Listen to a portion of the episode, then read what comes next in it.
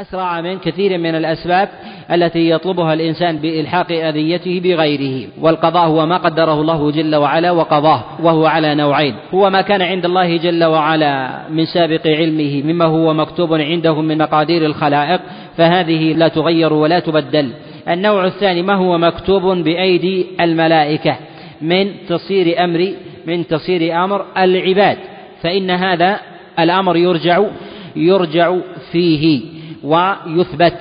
ولهذا الله سبحانه وتعالى يمحو ما يشاء من كتابه ويثبت. وعنده أم الكتاب جعل الله جل وعلا له له كتابين كتاب عنده سبحانه وتعالى وكتاب بأيدي الحفظة من ملائكته فما كان لديه من كتاب فإن الله جل وعلا يمحو فيه ما يشاء ويثبت وما كان عنده جل وعلا فهو ما سبق بعلمه من أحوال الناس. وما كان مما يفعله الإنسان ويقع فيه مما من أسباب تمحو ذلك الكتاب يعني الكتاب الثاني فهو من قضاء الله جل وعلا ومكتوبه الأول. فإن الله سبحانه وتعالى يجعل الأسباب تتدافع ومنها ومنها الدعاء. وقد جاء عن رسول الله صلى الله عليه وسلم من حديث أبي هريرة وثوبان بأسانيد يعبد بعضها بعضا أن النبي صلى الله عليه وسلم قال لا يرد القضاء وفي لفظ القدر إلا الدعاء. إشارة إلى أن دعاء الإنسان لله جل وعلا أن هذا يرد ما قضي عليه. والمراد بهذا القضاء هو المكتوب المكتوب الثاني. بخلاف المكتوب الأول وكلاهما مقدر عند الله سبحانه وتعالى أن الله جل وعلا كتب كذا فإن دعا الإنسان رفع عنه ذلك ذلك البلاء. وكما أن الإنسان إذا وقع في شيء من الذنوب والمعاصي يحرم الرزق بذنب يصيبه. فذلك الرزق الذي حرم بذلك الذنب هو مما كان مكتوبا فمحاه الله جل وعلا عنه وسلبه تلك الخيرية. بذلك الذنب الذي وقع منه. فكما أن الإنسان يدفع عنه الشر كذلك أيضا يجلب له يجلب له الخير. يدفع عنه الشر بدعائه وكذلك أيضا يجلب له السوء وكذلك يحرم الخير بالذنب بالذنب يصيبه. وهي على هذين النوعين. يمحو الله جل وعلا من الخير ويثبت مكانه شر لسبب ورد على ذلك. وكذلك يمحو الله جل وعلا من الشر ويبدله بشيء من الخير لسبب ورد ورد في هذا وكلها من الكتاب الذي عند الله عند الله سبحانه وتعالى. به يعلم أن كثيرا من النصوص التي يظن فيها التعارض في مثل ذلك التي يتمسك بها بعض أهل الابتداع من أن ظاهرها التعارض ليست كذلك وإنما هي على أنواع ينبغي أن يرجع إليها بفهم السلف الصالح عليهم عليهم رحمة الله. وقضاء الله جل وعلا و قدره مما هو مكتوب عنده سبحانه وتعالى تقدم معنا الإشارة إليه في حديث عمران. بن حسين عليه رضوان الله تعالى وكذلك أيضا في حديث أبي هريرة أن الله كتب مقادير الخلائق قبل أن يخلق السماوات والأرض قبل أن يخلق السماوات والأرض بخمسين ألف عام. نعم. حديث أبي هريرة وعمران بن حسين وعبد الله بن عمرو. تقدم معنا عمران وأبي هريرة وعبد الله بن عمرو. نعم. صلى الله إليك. وعن ثابت أنه قال يا أبا حمزة اشتكيت فقال أنس ألا أرقيك برقية رسول الله صلى الله عليه وسلم؟ قال بلى. قال قل اللهم رب الناس مذهب الباس اشف أنت الشافي لا شافي إلا أنت شفاء لا يغادر سقما. رواه البخاري. في هذا الحديث جملة من المسائل منها استحباب أن ينادى الإنسان بكنيته فإن هذا مما يستحسنه الناس وتستحسنه العرب. وفي هذا أيضا استحسان واستحباب عرض الرقية على عرض الرقية على من يحتاج إليها. ولهذا قال لا أرقيك برقية رسول الله صلى الله عليه وسلم. فإن الإنسان إذا وجد مريضا استحب في حقه أن أن يعرض عليه الرقية. إن كان محتاجا إليها. وإذا كان ممن ممن يكتفي بنفسه أو يرقيه غيره فإنه يكتفى يكتفى بذلك. وهنا كان ثمة اختصاص في هذا الخبر وهو ألا أرقيك برقية رسول الله صلى الله عليه وسلم؟ يعني أنه كان لديه علم من رسول الله صلى الله عليه وسلم بنوع قد بنوع من الرقية قد خفي على قد خفي على أبي حمزة عليه رضوان الله تعالى. وفي قوله ألا أرقيك برقية رسول الله صلى الله عليه وسلم تقدم معنا الإشارة إلى أصل الرقية. وأنها من الأمر المشروع والجائز في الجاهلية والإسلام مما كان على الوجه المأذون به. ولهذا قال الله سبحانه وتعالى في كتابه العظيم وقيل من راق وجاء رسول الله صلى الله عليه وسلم أنه قال عرضوا علي رقاكم. وبقي العمل على هذا عند أصحاب رسول الله صلى الله عليه وسلم من الخلفاء الراشدين وغيرهم من الصحابة والتابعين وسلف وسلف الأمة. وفي هذا أنه يستحب لمن رقى غيره أن يرقيه برقية النبي صلى الله عليه وسلم والألفاظ الواردة عنه فإنها أفضل الرقى. فما من شيء خص الله جل وعلا به نبيه سواء من الأقوال والأعمال إلا وهو أكمل إلا وهو أكملها. ولهذا ولهذا قال ألا أرقيك برقية رسول الله صلى الله عليه وسلم؟ فيه إشارة إلى مزية هذه الخصيصة لهذا ينبغي لمن اعتنى في أبواب الرقية أن يجمع ما ورد من ألفاظ عن رسول الله صلى الله عليه وسلم في رقية في رقية نفسه وفي رقيته لغيره.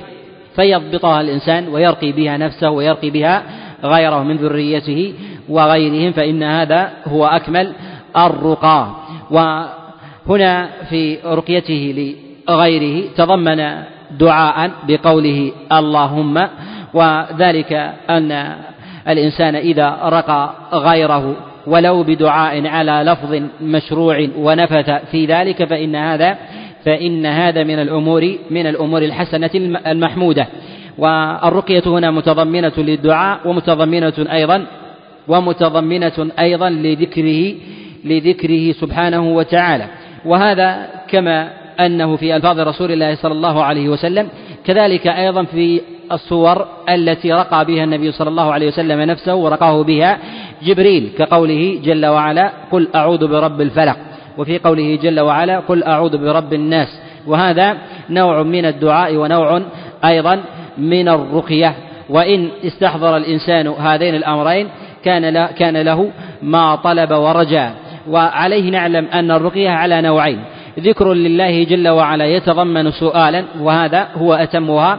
النوع الثاني هو ذكر لله جل وعلا محض فإن هذا مرتبة ثانية وهو أيضا من المواضع من المواضع المحمودة التي جاءت عن رسول الله صلى الله عليه وسلم.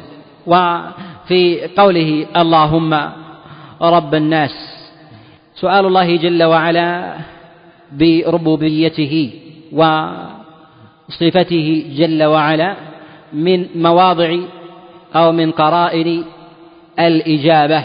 ويظهر في هذا الخبر ويظهر أيضا في حديث أبي هريرة كما في صحيح الإمام مسلم في قول رسول الله صلى الله عليه وسلم لما ذكر الرجل يطيل السفر أشعث أغبر يمد يديه إلى السماء يقول يا رب يا رب يا رب. وهذا متضمن لما لما قدم به في هذا الموضع في قوله اللهم رب الناس.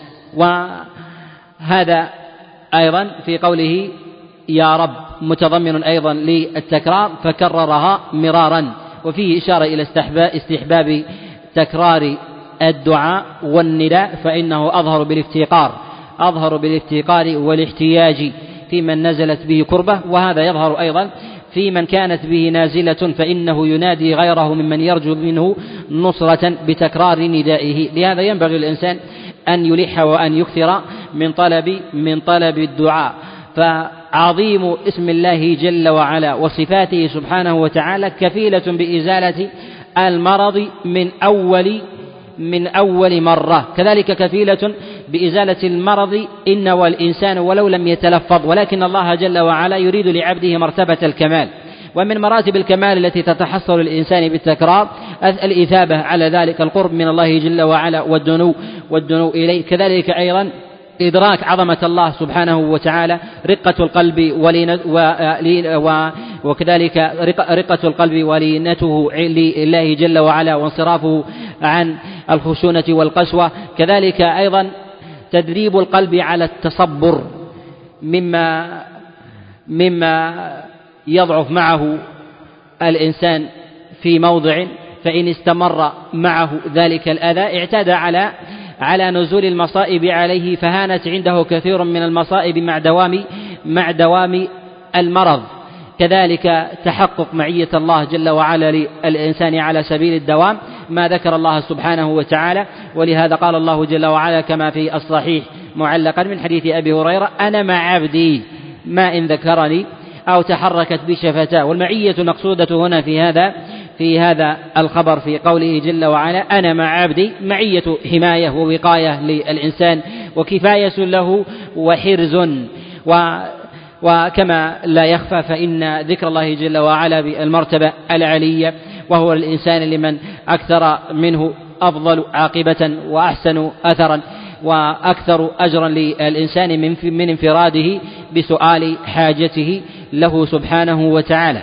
وسمى هنا دعاءه رقية تيمنا وبركة ولتضمنها أيضا لمعنى الرقية وهو طلب الشفاء بأسماء الله سبحانه وتعالى وهي من النوع الأول الذي تقدم الإشارة إليه لتضمنها لذكر الله جل وعلا وكذلك وكذلك الدعاء.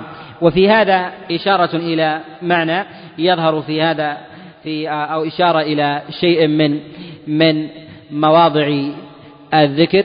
التي ترد في بعض التي ترد في بعض ألفاظ ذكر رسول الله صلى الله عليه وسلم على نحو مسجوع وهو في قوله هنا اللهم رب الناس أذهب الباس أشفي أنت الشافي لا شفاء لا شفاء إلا شفاؤك شفاء لا يغادر سقما هل النبي صلى الله عليه وسلم قصد هنا السجع قال ليس بمقصود بذاته والإنسان الذي يقصد آه، السجع في الذكر أو في الدعاء على سبيل التخصيص يحرم كثيرا من المقاصد المشروعة وكثير من الألفاظ النبوية التي تأتي على طريقة السجع تأتي على ألسنة العرب من غير قصد لبلاغتها وكذلك أيضا طلاقة لسانها وعدم دخول العجمة وعي اللسان فيها كما يطرأ من تكلف من تكلف المتأخرين.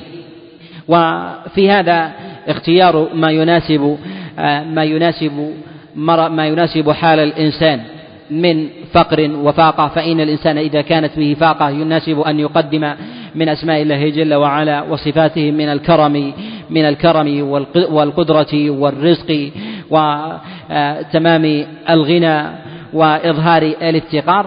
وهنا لما كان الإنسان مريضا أشار هنا إلى شيء عظيم من أسماء الله سبحانه وتعالى قدمه بذلك في قوله اللهم رب الناس.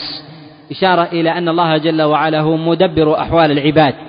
وما فيهم من ضعف لا يقويه إلا الله وما فيهم من عزة لا يذلها إلا الله وما فيهم من فقر وفاقة فلا يسد حاجة العباد إلا إلا الله. ولهذا عقب ذلك بعد سؤاله الشفاء اللهم أشفي أنت الشافي لا شفاء إلا إلا شفاؤك شفاء لا يغادر لا يغادر سقما. لهذا ينبغي للإنسان إذا أراد أن يسأل الله جل وعلا بعاهة نزلت فيه أن يسأل الله سبحانه وتعالى بالمناسب من أسمائه وصفاته بما يحتاجه العبد. فإذا نزلت به كربة سأل الله جل وعلا بقوته وقدرته ولطفه. وإذا نزلت به مكيدة من أحد من الناس سأل الله جل وعلا بشدته وجبروته وكذلك أيضا بقوته وكذلك تجبره جل وعلا وبطشه بأن يرفع الله سبحانه وتعالى ما به من أذى وما حيك له من مكر ومكيدة نعم. وعن أبي سعيد الخدري أن جبريل آتى النبي صلى الله عليه وسلم فقال يا محمد أشتكيت؟ قال نعم. فقال بسم الله أرقيك. من كل شيء يؤذيك من شر كل نفس أو عين حاسد. الله يشفيك بسم الله أرقيك. رواه مسلم. في هذا الحديث في إتيان جبريل للرسول صلى الله عليه وسلم وسؤاله عن شكواه وما نزل به فيه إشارة إلى نداء جبريل للنبي صلى الله عليه وسلم باسمه وذلك أن جبريل ليس من أهل من أهل الخطاب بشريعة محمد صلى الله عليه وسلم ولا يليق بأحد ممن يخاطب بشريعة محمد أن أن يذكر عنده النبي صلى الله عليه وسلم ولا يصلي عليه أو يناديه باسمه مجردا وهذا من الأمور المذمومة. حتى يصلي على رسول الله صلى الله عليه وسلم. وإنما كان ذلك من جبريل ولأنه ليس من أهل الخطاب مما جاء لأمته في كتاب الله سبحانه وتعالى وكذلك أيضا في سنة رسول الله صلى الله عليه وسلم. وفي هذا أيضا جواز أو مشروعية قبول الرقية ممن عرضها. وذلك أن جبريل قد رقى رسول الله صلى الله عليه وسلم وهو مع كونه من الملائكة المقربين لا يملك لا يملك شفاء إلا بإذن الله سبحانه وتعالى. وفي هذا عبرة وعظة فإن جبريل إذا كان بما وهبه الله جل وعلا من قدرة في ذاته تفوق قدرة البشر وما وهبه الله جل وعلا من علم ومعرفة من أسباب من أسباب العافية والشفاء ورفع البلاء ومعرفة كثير من أحوال العباد مما أطلعه الله جل وعلا عليه.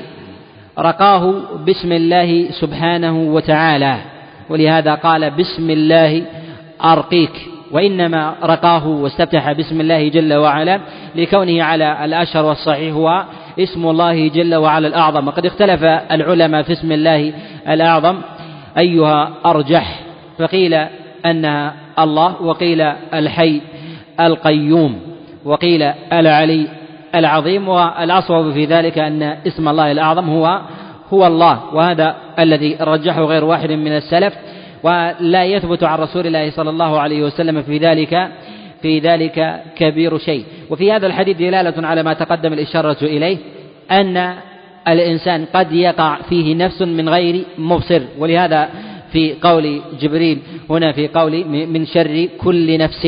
إشارة إلى أن النفس هي التي هي التي يبتدئ منها الحسد. ورسول الله صلى الله عليه وسلم قد نزل به الحسد ووقع ونزلت به النظرة عليه الصلاة والسلام كما نزل به عليه الصلاة والسلام السحر كما في الصحيح وغيره. ولهذا أنزل الله جل وعلا عليه سورتي المعوذات. وهذا يظهر في قول الله جل وعلا قل أعوذ برب الفلق من شر ما خلق. وهذا على سبيل العموم ثم خصص الله جل وعلا الاستعاذة بالنوع المقصود هنا في قوله من شر حاسد إذا حسد. ورسول الله صلى الله عليه وسلم قد نزلت به قد نزل به الحسد من اليهود حينما حسدوه على ما خصه الله جل وعلا من مزية وفضل دونهم. فإنهم قوم حسد يحسدون أصحاب النعمة وهم أهل كبر وغيظ ويكفي في ذلك أنهم يرون أنفسهم أنهم أهل الله جل وعلا وخاصته وأن الله جل وعلا اصطفاهم على العالمين وأنهم أولياء الله جل وعلا وأن الله سبحانه وتعالى يحبهم من دون العباد فلما كان هذا الأمر عقيدة مغروسة في نفوسهم لم يستحسنوا أي منقبة في غيرهم ليست فيهم ولم يرضوا أن غيرهم أن غيرهم يفوقهم في شيء من مواضع من مواضع الحمد. فلما خص الله جل وعلا نبيه عليه الصلاة والسلام بالرسالة والفضل وجعله الله جل وعلا سيد ولد آدم وأنه خاتم الأنبياء والمرسلين وأرسله الله جل وعلا كافة للناس.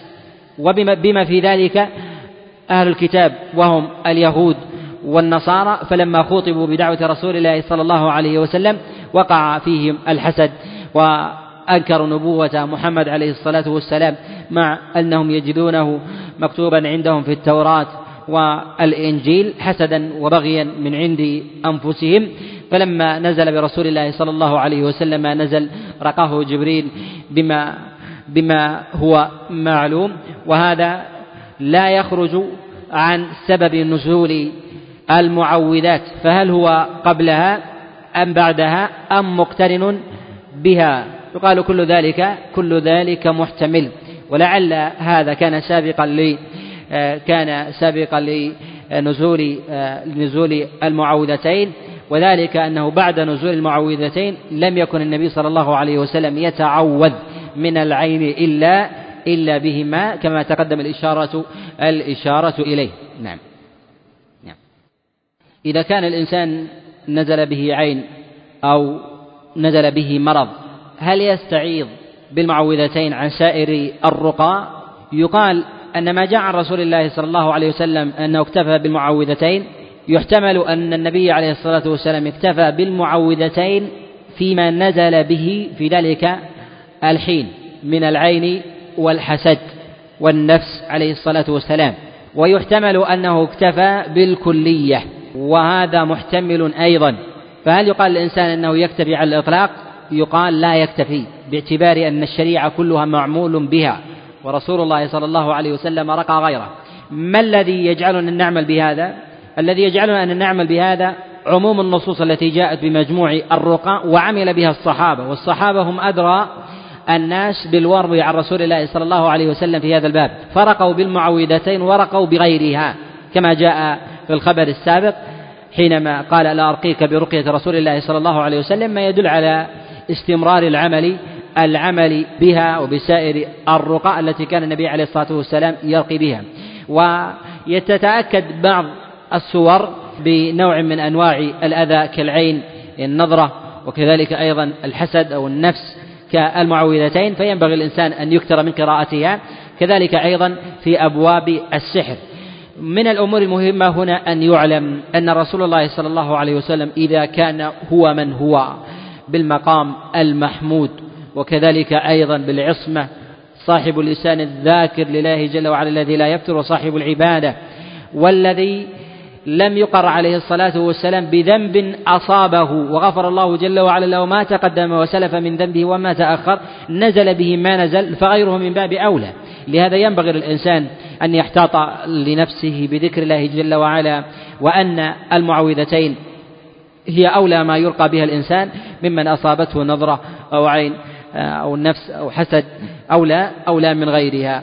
وإن جمع معها غيرها مما يرقى به مما جاء رسول الله صلى الله عليه وسلم فهو حسن أيضا. نعم. حسن الله عليك وعن عثمان بن أبي العاص الثقفي أنه شكى إلى رسول الله صلى الله عليه وسلم وجعا يجده في جسده منذ أسلم. فقال رسول الله صلى الله عليه وسلم ضع يدك على الذي يألم من جسدك وقل بسم الله ثلاثا وقل سبع مرات أعوذ بالله وقدرته من شر ما أجد وأحاذر. رواهما مسلم. في هذا الحديث جواز أن يشتكي الإنسان لغيره ممن يظن به خيرا بإيجاد شفاء لمرضه ولهذا شكى لرسول الله صلى الله عليه وسلم. وهذا لا يعارض قول الله جل وعلا إنما أشكو بثي وحزني إلى الله. وذلك أن الإنسان من الكمل من الخلق من أهل الديانة ينبغي ألا يشكو إلى ألا يشكو إلى من دونه ممن لم يحسن تصرفا. فإذا كان الإنسان لا يحسن تصرفا في نفسه فكيف فكيف بغيره؟ فإن الشكاية في مثل ذلك أو ما لا يظن الإنسان أنه يرشده إلى إلى ما هو من الأمور المحمودة من الشريعة من التجاء إلى الله جل وعلا أو يدله على مواضع الخير والعبادة مما يشرح النفس وتطمئن وتطمئن به. فإن الإنسان إذا لم يكن من أهل هذه الخصائص الشكاية إليه مذمة ومذلة. فإن الإنسان إن شكى لغير الله جل وعلا على هذا النحو عدت شكايته منقصة فيه. ومن كان يدله إلى مواضع الخير ورضا الله جل وعلا والهداية فإن هذا من الأمور المحمودة كما في هذا الخبر.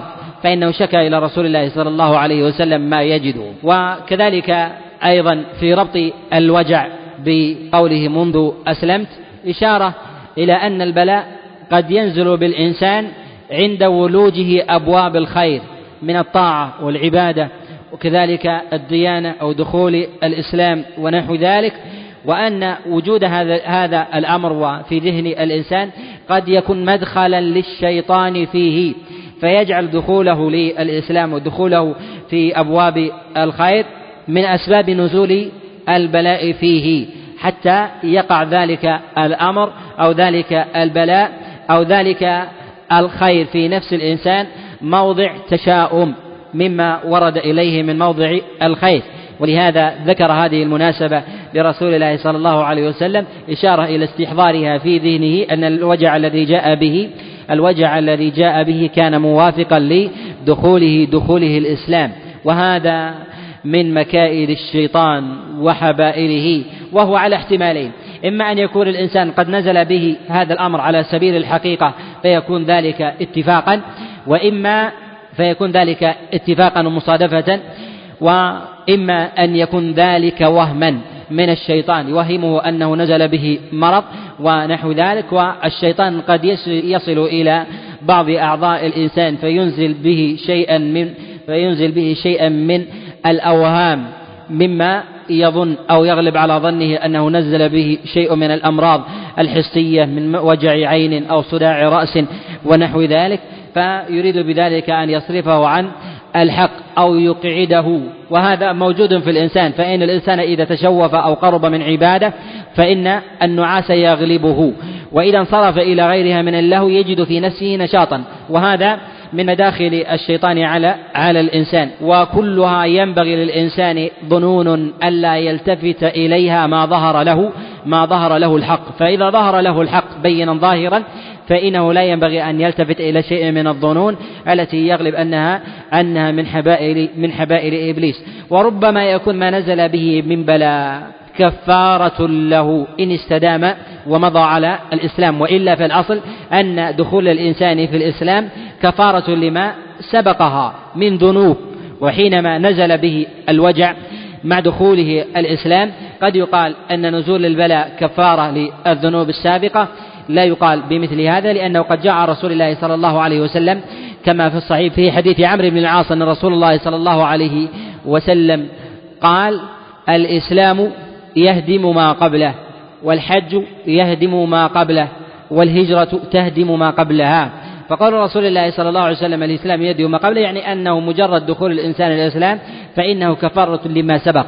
لهذا من دخل بالإسلام من أول وهلة ما تنزل به من مصيبة يكون من الابتلاء والاختبار والامتحان من الله جل وعلا حتى يشد من أزره ويثبت الإنسان على ما يصيبه مما يستقبل من ما يستقبل من بلاء. وهذا من الحكم العظيمة جليلة القدر التي ينبغي الإنسان أن يلتفت إليها ولا يقال أنها من أمور كفارة الذنوب باعتبار أن الإسلام يكفر ما قبله إلا إن مضى الإنسان على إسلامه أياما وشهورا ونحو ذلك فالإنسان يرد يرد من ذنوبه في اليوم والليلة أو ربما الساعة فضلا عما هو أكثر من ذلك. وهذا لا يظهر وروده هنا في هذا الخبر لأنه جعل الوجع مقترنا بدخوله بدخوله في الإسلام. وفي هذا ما تقدم الإشارة إليه من تكرار الرقية وتكرار الدعاء. لهذا حثه رسول الله صلى الله عليه وسلم أن يكرر هذا الدعاء سبعا.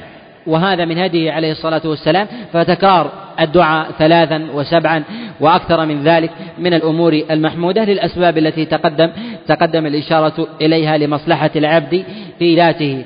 ولا يقال أن التكرار هو قصور في قوة الدعاء عن مقاومة الأذى والوجع وإنما الدعاء بذاته واسم الله جل وعلا وصفته غالبة لكل وجع يصيب الإنسان وإنما الحكمة في ذلك تقوية لإيمان الإنسان وتعلقه بهذه المعاني فإنما كان مكررا من المعاني التي تطرأ على لسان الإنسان. أقرب إلى تدبره وقربه من الله جل وعلا في الأسباب التي تقدم تقدم الإشارة إليها. وفي قوله هنا أجد وأحاذر إشارة إلى أن الإنسان في رقيته لما ينزل به من بلاء يستدفع أمرين.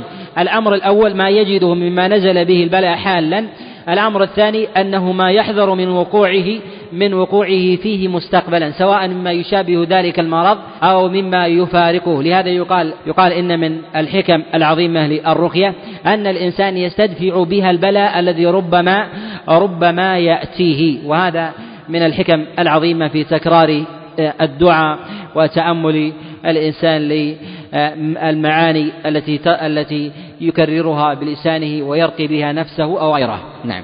وعن عائشة رضي الله تعالى عنها قالت كان رسول الله صلى الله عليه وسلم إذا مرض أحد من أهله نفث عليه بالمعوذات فلما مرض مرضه الذي مات فيه جعلت أنفث عليه وأمسحه بيد نفسه لأنها كانت أعظم بركة من يدي. متفق عليه واللفظ لمسلم. في قول عائشة عليه رضوان الله تعالى أحد من أهله إشارة إلى عناية رسول الله صلى الله عليه وسلم بشفاية وعافية أهله وتتبع أحوالهم برقيتهم. وهذا ما ينبغي للإنسان أن يبادر أن يبادر إليه إذا أصاب آه، أحد آه، إذا أصاب آه، أحد أهله مصيبة أو نازلة من مرض ونحو ذلك ينبغي أن يبادر إليه برقيته كما كان رسول الله صلى الله عليه وسلم يبادر بالرقيات والتعلق بالله جل وعلا أولى من التعلق بغيره وأحق. وكثير من الناس حينما تنزل بهم نازلة فزعوا فزعوا إلى الطبيب وفزعوا إلى سؤال أهل الخبرة والدراية في ذلك. وما فزعوا إلى إلى الله سبحانه وتعالى والالتجاء إليه بسؤاله سبحانه وتعالى الشفاء والعافية. فكان رسول الله صلى الله عليه وسلم أول ما يبادر إليه هو رقية من أصابه البلاء من أهله. وهنا قد أخذت عائشة عليها رضوان الله تعالى من رسول الله صلى الله عليه وسلم ذلك فلما أصابه وجع عليه الصلاة والسلام بادرت برد ذلك إليه عليه الصلاة والسلام برقيته. وهذا أمر المبادرة بالرقية. أولى به أهل القربى من الإنسان بتعاهدهم أن يرقي الإنسان غيره وألا ينتظر منه طلب الرقية. وهذا من الأمور المحمودة. كذلك أن الإنسان إذا كان يرقي أهله ينبغي أن يرقيه أهله في حال نزول نزول المرض فيه. وكذلك أيضا في رسول الله صلى الله عليه وسلم لما نزل به المرض بادرت عائشة عليها رضوان الله تعالى إلى رقيته كما كان يرقي. وفي هذا إشارة إلى إلى مسألتين مهمتين. أولها أن الإنسان يكون قدوة قدوة لأهله.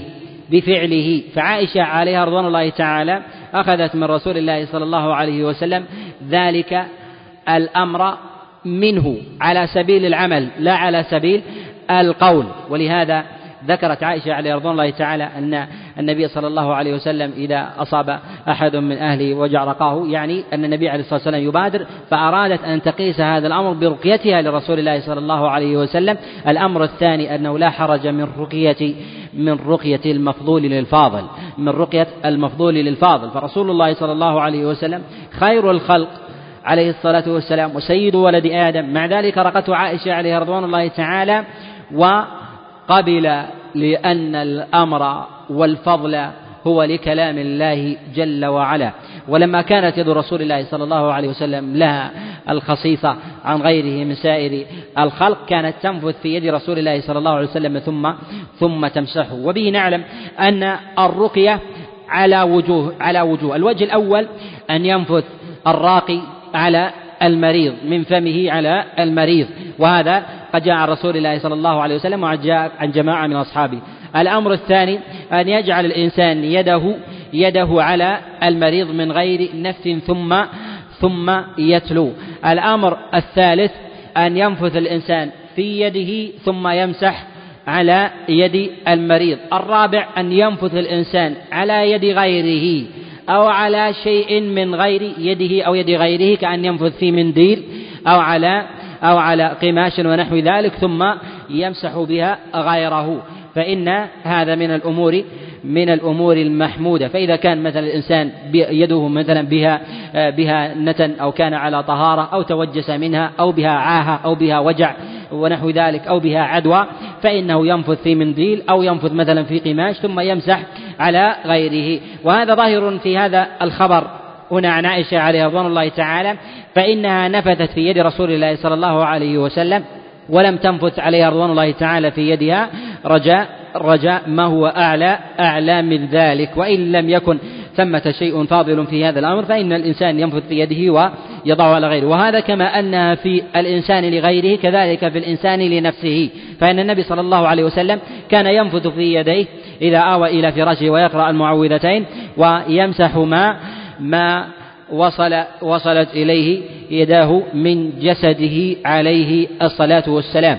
ونعلم أن جسد رسول الله صلى الله عليه وسلم له خصيصة كما أن لرقه خصيصة ليست ليست لغيره عليه الصلاة والسلام. وبه نعلم أن ما دل الدليل عليه أن النبي صلى الله عليه وسلم فعله من غير من غير فعل أحد من أصحابه له فهذا من خصائصه مما يتعلق بجسده. مثال ذلك كالتحنيك وذلك بأن يضع الإنسان تمرة في المولود فإذا مضغ فإذا مضغ الرجل تمرة في فمه ثم وضعها في فم المولود كما جاء عن رسول الله صلى الله عليه وسلم هل يقال هذا بسنيتي بسنيتي قال به بعض العلماء والمترجح أن هذا من خصائص رسول الله صلى الله عليه وسلم.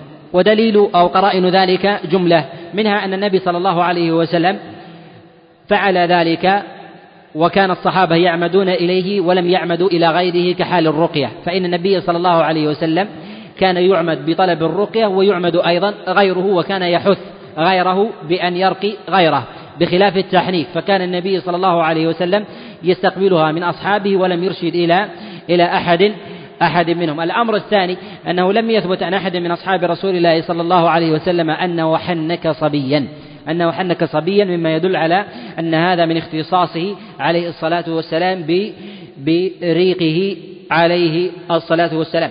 الأمر الثاني أن ما كان من جسد رسول الله صلى الله عليه وسلم وشاركه فيه غيره فيقال أن الأمر لا يعلق بذات الجسد لا يعلق بذات الجسد وإنما الجسد قدر زائد في الفضل. وهذا كحال الرقية. فالرقية مرغب فيها في الشريعة في كلام الله جل وعلا وكلام رسول الله صلى الله عليه وسلم. فإن كانت بيد عائشة أو بيد رسول الله صلى الله عليه وسلم بيد النبي أتم, أتم وأبرك. وفي عائشة موافقة للامتثال بالإتيان بالرقية التي جاءت التي جاءت عن عن رسول الله صلى الله عليه وسلم. واليد في ذلك يقال أنها في ذاتها لا يتبرك إلا بيد رسول الله صلى الله صلى الله عليه وسلم. وفي هذا إشارة إلى إلى هدي رسول الله صلى الله عليه وسلم بقبوله رقية غيره ممن هو دونه وكذلك أيضا آه، حرص أهل المريض عليه وإن كان من أهل الفضل والدراية والمعرفة. وكذلك أيضا حرصهم على الكامل من مواضع الرقية من كلام الله سبحانه وتعالى. ولعل المناسب في إيراد المصنف عليه رحمة الله في آخر في آخر هذا الباب في أبواب الرقية أن أراد أن يشير إلى مسألة من مسائل الرقى في إقبال رسول الله صلى الله عليه وسلم إلى ربه وقضاء أجله وفيه إشارة إلى ختم شريعة محمد صلى الله عليه وسلم. وفي هذا متضمن أيضا حينما قالت في مرضه الذي مات فيه أن الله جل وعلا جعل لكل داء ينزل بالإنسان شفاء إلا إلا السام وهو الموت. فلما كتب الله جل وعلا على نبيه عليه الصلاة والسلام آه، الأجل انقضاء انقضاء الأجل والنحب لرسول الله صلى الله عليه وسلم لم يكن ثمة شفاء له عليه الصلاة والسلام. من لقائه لربه سبحانه وتعالى بل لقاء رسول الله صلى الله عليه وسلم لربه هو الشفاء والتمام والكمال والرضا له عليه الصلاة والسلام. وإنما خص المصنف عليه رحمة الله تعالى فيما يظهر في إراده لهذا الحديث في آخر هذا الباب ومحله التقديم لكونه من فعل من من فعل من فعل عائشة لرسول الله صلى الله عليه وسلم ليقرن خاتمة هذا الكتاب بهذا الحديث إشارة إلى أن رسول الله صلى الله عليه وسلم وهو من هو بهذه المنزلة الرقية وما رفع الله جل وعلا ما به من ما نزل به من وجع عليه الصلاة والسلام لأنه انقضاء أجله. عليه الصلاة والسلام للقائه ربه سبحانه وتعالى وهو متضمن أيضا لرفع لرفع لحجب نزول الوحي وتمام الشريعة لعموم قوله سبحانه وتعالى اليوم أكملت لكم دينكم وأتممت عليكم نعمتي ورضيت لكم الإسلام دينا. نعم. أحسن الله إليك. والحمد لله أولا وآخرا وظاهرا وباطنا. وصلى الله على محمد وعلى آله وصحبه وسلم تسليما كثيرا إلى يوم الدين. والحمد لله رب العالمين. هنا ختم المصنف عليه رحمة الله كتابه بحمد الله جل وعلا أولا واخرا إشارة إلى فضل الله سبحانه وتعالى ومنته على عباده وأنه لولاه لم يكن له توفيق من من الله سبحانه وتعالى. فحمد الله ظاهرا وباطنا. إشارة إلى أن من لم يكن له عون من الله جل وعلا في ظاهر أمره وباطنه لم يكن له توفيق منه. ومن اتكل على غير الله جل وعلا وكله الله جل وعلا إليه ورفع الله جل وعلا يده وحمايته ووقايته لعبده. وفيه إشارة إلى أن الإنسان ينبغي أن يحمد الله في ابتداء في ابتداء النعم وأن يحمد الله جل وعلا في خاتمة النعم. وكذلك أن يستغفر الله سبحانه وتعالى من كل ذنب نزل نزل به بيديه واقترفته يمينه. ولهذا نستغفر الله جل وعلا مما بدر من زلل أو خطل وما وقع منا من وهم وحيدة غير مقصودة عن الصواب في شرح هذا الكتاب.